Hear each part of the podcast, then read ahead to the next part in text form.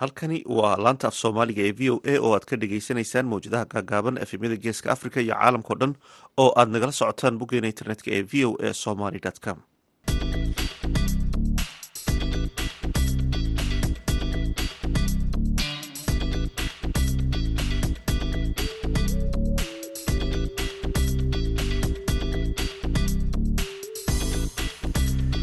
duhur wanaagsan dhegaystayaal waa kowdiiyo barkii duhurnimo xilliga geeska africa lixdiiyo barkii aroornimo xilliga washington.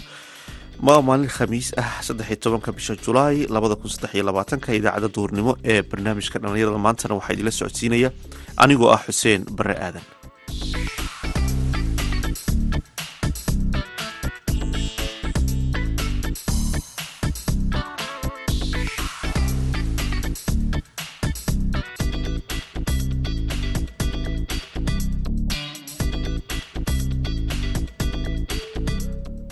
qodobada aad ku dhagaysan doontaan barnaamijka dhallinyarada maantana waxaa ka mid ah dhallinyarada dhadhaab qaarkood oo helay fursado ay ganacsi ku sameeyaan.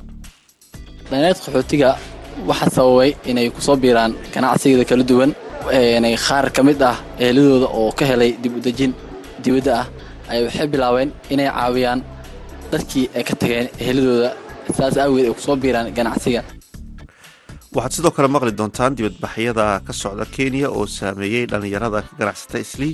Heesihii iyo ciyaarihii ayaan sidoo kale idiin haynaa balse marka hore waxaad ku soo dhawaataan warkii dunida.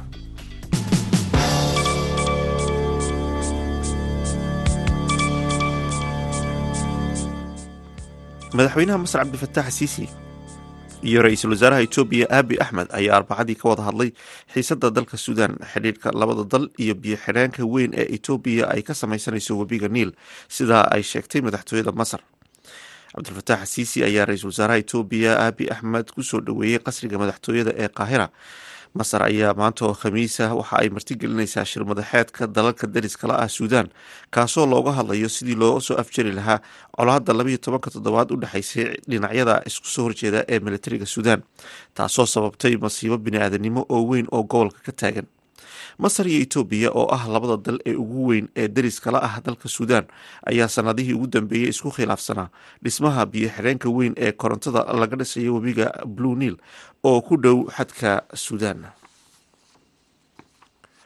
dowladda iiraan ayaa arbacadii u yeedhay danjiraha ruushka ee dalkeeda fadhiya. Kadib markii ay xukuumadda ruushku bilowday amaba bilowgii toddobaadkan ay bayaan wadajir ah la soo saartay qaar ka mida dalalka carabta. Bayaankaasi ayay ku jireen qodobo taabanaya jasiiradaha muranka uu ka taagan yahay ee ku yaalla gacanka. Tallaabadan ayaa ka mid ah khilaafka dhif iyo naadirka ah ee dhex mara iiraan iyo ruushka iyadoo xidhiirka labada dal uu sii xoogeysanayay tan iyo wixii ka dambeeyey dagaalkii uu ruushku ku qaaday dalka ukraine iiraan ayaa siisay dalka ruushka. Diyaaradaha ay samayso ee aan duuliyaha lahayn kuwaasi oo moscow ay u adeegsatay duqeymaha ay ka geysanayso dalka ukraine. Sidoo kale labada dal ee iiraan iyo ruushka ayaa si weyn u taageera xukuumadda bashaar al asad ee dalka suuriya. Wakaalada wararka ee dalka iiraan ayaa sheegtay in loo yeedhay danjiraha ruushka si wax looga weydiiyo bayaankii wadajirka ahaa ee la soo saaray isniintii kadib kulankii dhex maray ruushka iyo dalalka khaliijka ee ay ka midka yihiin imaaraadka carabta sacuudiga kuweyt qatar baxrayn iyo cumaan bayaanka ayaa waxaa wasiiradu ay ku caddeeyeen in ay taageersan yihiin dadaalada lagu doonayo in xal nabadeed laga gaadho xaaladda ka taagan jasiiradaha saddexda ah iyada oo loo marayo wadaxaajood laba dhinac ah ama kiiska in la geeyo maxkamadda cadaaladda ee dunida. Sida lagu sheegay bayaanka ka soo baxay shirka sida ay faafisay wakaaladda wararka ee sacuudiga. Iiraan ayaa jasiiradahan la wareegtay sannadkii koob iyo toddobaatankii kadib markii ay ka baxeen ciidamada ingiriisku waxayna u arkaan inuu yahay dhul ay leeyihiin oo aan gorgortan laga geli karin. Hase haatee imaaraadka carabta ayaa iyaguna u arka in ay leeyihiin jasiiradaha iyagoo waqti dheer ku cadaadinayay iiraan in ay aqbasho wadahadal dhex mara labada dhinac.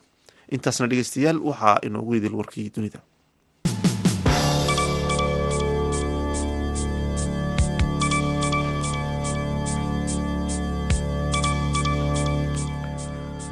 halkan dhegeystayaal nagala socotaan waa laanta af soomaaliga ee v o a. Dhallinyarada qaxootiga ku ah kaamamka dhadhaab ayaa kaalin weyn ku yeelanaya isbedelada ganacsi ee ka jira suuqyada xeryaha kadib markii dhallinyarada qaarkood ay taageero dhaqaale ka heleen qoysaskii ka dhoofay isla xeryahaasi ee aaday dalalka reer galbeedka. Warbixintan waxaa dhadhaab ka soo diray cabdisalaan salas isbeddelka ganacsi iyo horumarka dib u kabasho ee ka jira suuqada xeryaha qaxootiga. Xilligan waxaa door weyn ku leh dhalinyarada ku nool xeryaha dhadhaab kuwaasoo u muuqda inay u jeesteen ganacsiga maadaama shaqooyinkii hay'adaha samafalka ay gaabis noqdeen sannadihii tegey maxamed xasan wuxuu ka soo qaxay magaalada marka sannadkii laba kun iyo sideedii waxaan ka waraysanay halka dhalinyaradan qaxootiga ay ka heleen hal abuurkan ganacsi iyo fursadahan u fududeeyey inay ku soo biiraan ganacsiga suuqada xeryaha waa mahadsantay cabdisalaan dhalinyarada qaxootiga waxaa sababay inay ku soo biiraan ganacsigada kala duwan qaar ka mid ah eeladooda oo ka helay dib u dejin. Dibadda ah ay waxay bilaabeen inay caawiyaan dadkii ay ka tageen eheladooda saas aaweed ay ku soo biiraan ganacsiga. Waagii hore dhallinyarada waxay fursado ka heli jireen hay'adaha kala duwan sida macalinimo oo inay ardayda wax baraan macalinimo ah sida un c ah hay'adaha qaybooda kala duwan. Waayadan dambe oo hay'adihii ku dhacay dhaqaale xumo aaweeda sida covid nneteen ayaa waxaa yimaaday in shaqaalihii ay hoos u dhac yimaadaan ay fursadihii ay heli jireen oo shaqaaleysiinta ay markaas meesha ku istaagto. Saas aaweed ay dhallinyaradii waxay bilaabeen taban inay ku soo biiraan magaalada sida ganacsiyadaha kala duwan sida ninkii carruur furan karo nin harqaan furtay jaslay kii stuudio furtay iyo nin khudaar furtay adiga waa ganacsiyadaha kala duwan. Marka ganacsiyada hadda ugu badan xeryaha qaxootiga waa dhallinyarada sida muuqato. Shan sano ka hore sidaan hadda aan maysan haynin waadaas waxaa shaqaysay dad waaweyn ah oo oday ah. Laakiin hadda waayadan dambe markaa soo gasho magaalo aad aragto waxaad arkaysaa dhallinyaro goobihii idil inay wada fadhiyaan. Keli dhallinyarta markaan ma ahan ragga keli gabdhaha way ku jiraan inay ganacsi bilaabaan sida biutseluunka meelaha qurxinta goobaha cilaasaarka sida meelaha qaar gabdhaha dharkooda lugado shoobinada gabdhaha. Gabdhahana door weyn ayuu ku leeyihiin ganacsiga xeryaha ka jiro. Cabdulaahi aadan xuseen wuxuu ahaa bare wax ka dhiga iskuullada ku yaalla xeryaha. Balse shaqaa dhimis lagu sameeyey macalimiinta qaxootiga ah ayuu ku waayey xirfaddiisii shaqo. Haatanna wuxuu xeryaha ka yeegleelay ganacsi uu si gaara u leeyahay wuxuu sharxayaa isbeddelka dhinaca dhaqaalaha ah ee xilligan uu dareemayo. Aniga waxaan ahaay cabdulaahi aadan xuseen waxaana ka mid ahay dadka qaxootiyada halkan dhagaxley ku nool. Nin waxaan ahaan jiray oo iskuulaadkan hay'adda dowladda aan u dhigo. Markii shaqa dhimista ay imaatay micnaha shaqaalihii shaqo waayeen oo maaragtay magaalka haddana soo galo oo ganacsi bacaad la samaysto maaragtay noloshiis nololadkii micnaha faamilkiisa wixii ku noolaan lahaa magaalkaas ka dhacsanayo waa yahay. Waxaad ka warbixisaa marka isbeddelka dhaqaale aad dareemayso. Ha alxamdulilah maanta waxaa waay nin waxaan ahay isku filanoo ma aragtay faamilkiisa nolol maaliyeedkiisa shaqadiisa wax walba isku filan. Mar horen waxaan ahaa nin boqol dollar ka yar wixii ka yar ku shaqaynayo hadda alxamdulilah ganacsigeygii waxaa waaye nolol xorlaan dareemayaa. Ganacsigeygina isku filan. Hadda alxamdulilah maasha allah ganacsiga ugu badan ee dhalinyaradan qaxootiga ay ka soo dhiciyaan biilasha qoysaskooda ayaa ah dukaamada lagu iibiyo kaararka shirkadaha isgaarsiinta iyo xawilaadaha lacagaha dalka sida uu sheegayo bakar xuseen oo ku nool xeryaha dhadhaab shaqadeydana waxaa waaye waxaan ka shaqeeyaa meelahan embeesooyinka alxabsalaan oo wax nagu kalifay oo micnaha in oo ganacsiyada oo maxaa dhihi jira anaga noo gaar inaan sameysano waxaa keenayo micnaha xeryaha qaxootiga oo shaqa maxaa dhihi jiray shaq la'aan oo ka jirto awgeeda. Yaa waxaa micnaha dhalinyartii qaarkood waxay u fikireen qaar oo dhar oo labis iyo waxaas gadaan qaar embeesooyinka shaqeeyaan. Alxamdulilah hadda ani embeesadeeda wax ani igu filan nolol maalmeedkeyga kaarkaarkeyga waalidiinteedana wax baan uga caawiya familkeyga alxamdulilah waa wax igu filan waan ka helaa dadka qaxootiya xaryaha qaxootiga ku nool waa dad oo micnaha oo rajo ku nool eh oo micnaha wax sugayaan. Jiilka naga horeey ee qaxootiga nooga soo horeeyeen waxay u badnaayeen jiil oo shaqo la'aan ah waxaa la dhihi jiray qaarkooda dad soomaali u laabteen dad oo maxaa la dhihi jiray tahriibeen marka maxaa la dhihi jiray koley waqtigan la joogo hadda waxaa waaye waqti casriya la joogaa sidii waagii hore ma ahan oo micnaha qof walba aqli uu leeyahay qofkii u maqan wax ku soo taraayo oo shaqo ku sameysanayo lagu mashquulinayo. Cabdisalaan salas v o a dhadhaab kenya. Halkaad weli dhegeystayaal nagala socotaana waa laanta af soomaaliga ee v o a. Markana ku soo dhawaada mid ka mid a heesahan idinku talagalnay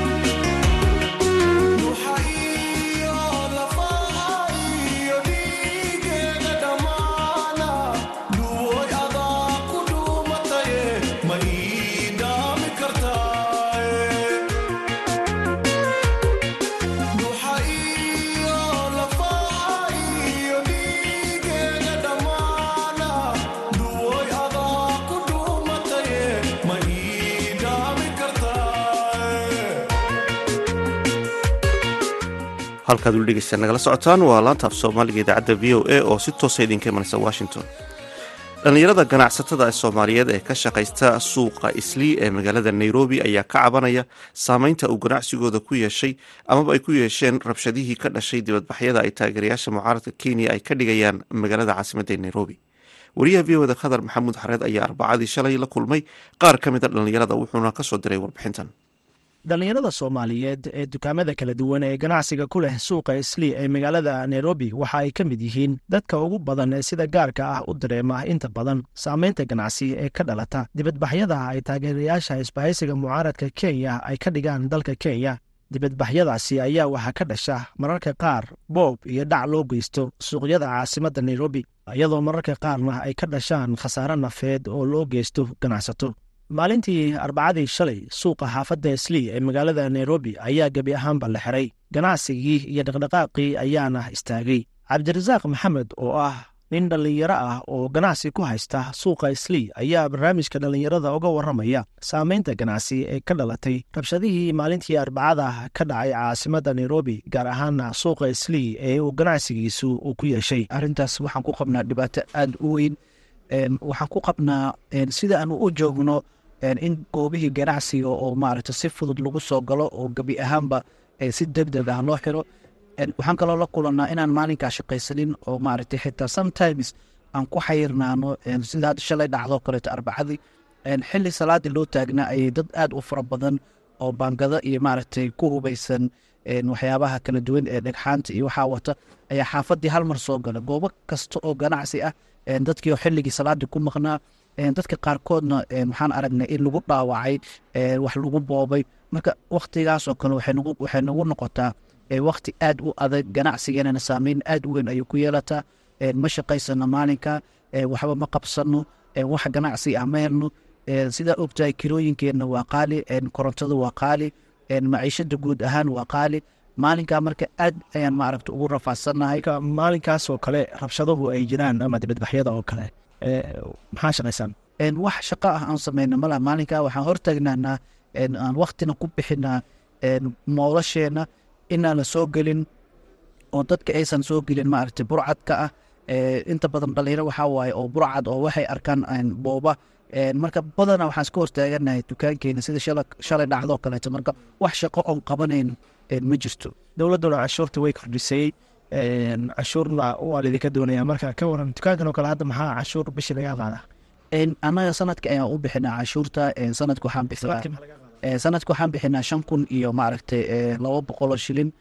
Sanadka intaas ayaan bixiyaa maadaama maaragtay dukaamada ay waa leysinka ugu yar ee la qaadan karo. Dhalinyarada dukaamadan oo kale haysta kulli intaas laga qaada ha dukaanka ugu yarba leysinka ugu yara intaa ah inta kalena waa ay ka badan yihiin qaarkood hadba businesska intuu la egyahay waaye teeda kale canshuurta waa lagu kordhiyey annaga saameynta nagu yeelanayso waxaa kow ka ah alaabta electronigi waxaa ka mid ah maaragta protectyaashii waxaa ka mid ah taleefanadii aan heli jirnay ee letistiga ahaa ee dubay nooga imaan jir. Inta badan ma helna ganacsigaas kulli wuxuu ku xayiran yahay elaboorkii wax dhaqaaq oo maaragtay ka soo baxaya ma jirto cashuurtii oo hay ah adigii oo dukaankii wax aad ku gada aadan haynin dariskaadoo ka soo qaadan karin magaalada sibay maaragtay cashuurtii darteed ayay u xiran tahay alaabihii electroniga ah.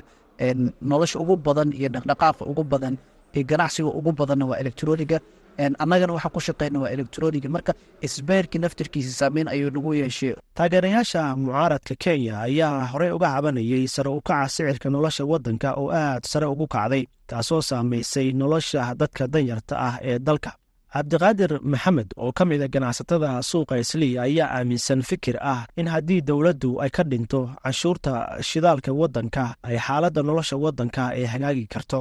Maadaama dibadbaxyada iyo cabashooyinka dadku ay inta badan ay hadda la xiriiraan canshuurta ay dowladdu ganacsiga ku kordhisay. Waxa weeyaan waddanku waxa number one wuxuu waddanku ku dhaqaaqaya waa shidaal.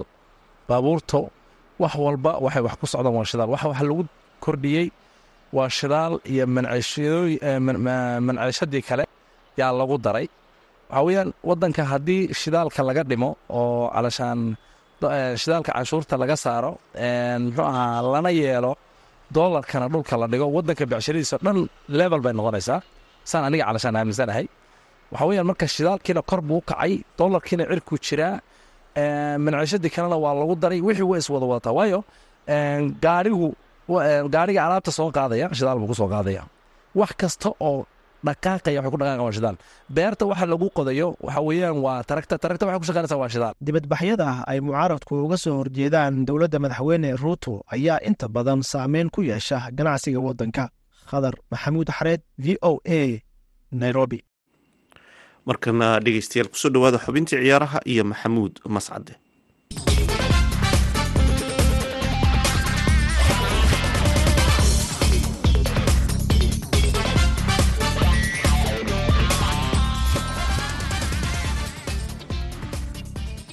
kuna wanaagsan dhegaystayaal dhammaantiinba kuna soo dhowaada xubinta ciyaaraha. Aan ku bilaabay koobka qaramada waqooyiga ameerika ay ku loolamaan ee loo yaqaano gool kaabka iyo habeenkii xalay ahaa ciyaarihiisa semifinalka afoodda la ysku daray. Koobkan oo si xiiso badan uga soconaya maraykanka ayaa kulanka koowaad waxa uu ka dhacay magaalada san diego ee gobolka california. Maraykanka iyo banama ayaana kulankaasi foodda isku daray xulka qaranka ee maraykanka oo gool lagala hormaray ayaa barbareeyey laakiin uma aanay suuro gelin labada dalba midkood in ciyaartu intii ay socotay uu wax goolah oo guul u keena dhaliyo. Waxaana labadan dal lagu kala saaray rigoorayaal ay guushu shan iyo afar ku raacday xulka qaranka ee banama sidaasina ciyaarta kama dambaysta ayay ugu soo gudbeen xulka qaranka ee banama ciyaartaasi ayaa habeenka axadda ka dhici doonta magaalada los angeles ee gobolka california kulan kale ayaa isna waxa uu dhex maray waddamada mexico iyo jamaica. Labadan dal ciyaar adag ayay soo bandhigeen laakiin waxay ahayd ciyaartu mid inta badan hal dhinac u janjartay oo xulka qaranka ee mexico ayaa ku guulaystay saddex gool iyo waxba. Inkastoo jamaykaanku ay wateen qaar ka mid ah xidigo ka ciyaara horyaalka waddanka ingiriiska oo ay ka mid ahaayeen michael antony damari grey iyo ciyaaryahan leon bailey. Haddana uma aanay suuro gelin xidigahaasi in ay ka badbaadiyaan kooxdooda guushan guuldaradan xanuunka badan ee soo gaartay waxaana xidigahan iyo kuwa kale ee jamaykaankaba ka muuqday isfaham darro kubadeed iyagoo inta badan baasaska aan isgaarsiinaynin. Si kastoo taaba xulalka qaranka ee mexico iyo banama ayaa ciyaarta kama dambaysta. Habeenka axadda ku kulmi doona magaalada los angeles ee gobolka california. Garoonka ay ku ciyaarto kooxda st louis ramis waa kooxda american footballka ee loo yaqaano sofi stadium. Dhinaca iyo haddii aan jalleeco suuqa kala iibsiga ciyaartoydana kabtanka kooxda kubadda cagta ee liverpool jordan henderson ayaa wararku waxay sheegayaan in uu ka fakarayo kubiirista kooxda kubadda cagta ee al-itifaaq ee ka dhisan waddanka sacuudi carabiya. Kooxdaasi oo dhowaantan tababare u magacaawday kabtankii hore ee kooxda kubadda cagta ee liverpool ciyaaryahan stephen jeraad stephen jeraad ayaa waxa ay wararku sheegayaan haatan inuu qalqaalinayo kabtanka kooxda kubadda cagta ee liverpool soddon iyo saddex jirkan ayaa la leeyahay. Waxa ay kooxdu u ballan qaadaysaa lacag aad u fara badan taasi oo suuro gelin karta inuu kooxda kubadda cagta ee liverpool isaga tagu ka mid noqdo. Hirka ciyaartooyda ku qulqulaya waddanka sacuudi carabiya. Waaga dhegeystayaal xubintaana ciyaarantan ku soo gabagabeynaa tane kulan dambe waa mascadooda ku dhaafaya sidaa iyo nabadgelyo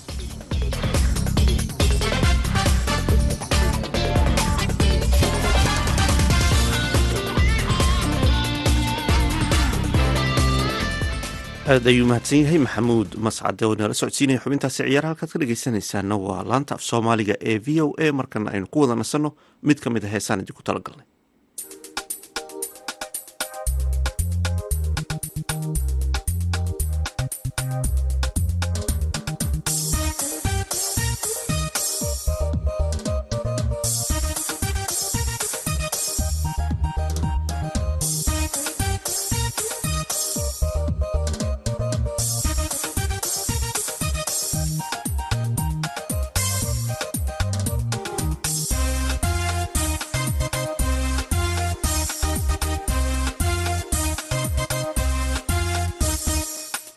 hadalka xiisaha murtida xididka suugaanta. Naxwahaan ka soo xulay adaan kugu xadaayaday xogta hadalka xiisaha murtida xididka suugaanta. Naxwahaan ka soo xulay adaan kugu xadaayaday waana gaari xilkeediinaan kugu xariiray xogta hadalka xiisaha murtida xididka suugaanta nax waxaan ka soo xulay adaan kugu xadaayadaye xogta hadalka xiisaha murtida xididka suugaanta nax waxaan ka soo xulay adaan kugu xadaayadaye waana gaari xeerkeediinaan kugu xariiray xilkasnimo allah kuu dhashiyo garasha xeel dheere. Sida xuurar cayntii jannada lala xayaaday xafiday xasiliyay naftaad xiisa gelisay. Xilkasnimo allah kuu dhashiyo garasha xeel dheere. Sida xuurar cayntii jannada lala xayaaday xafiday xasiliyay naftaad xiisa gelisay. Kabtan aan xajiiniyo lahayn weedh ku xaganaysaa oo rul xalaalaysay baad ku xaragootaay qalbi xaadhan baad leedihiyo laab xaruuriyahe nageenyaalayey alla geenya ugubay naftaad xiisa gelisay kabtan aan xajiiniyo lahayn weedh ku xaganaysaa oo runi xalaalaysay baad ku xaragootaay qalbi xaadhan baad leedihiyo laab xaruuriyahe nageenyaalayey alla geenya ugubay naftaad xiisa gelisay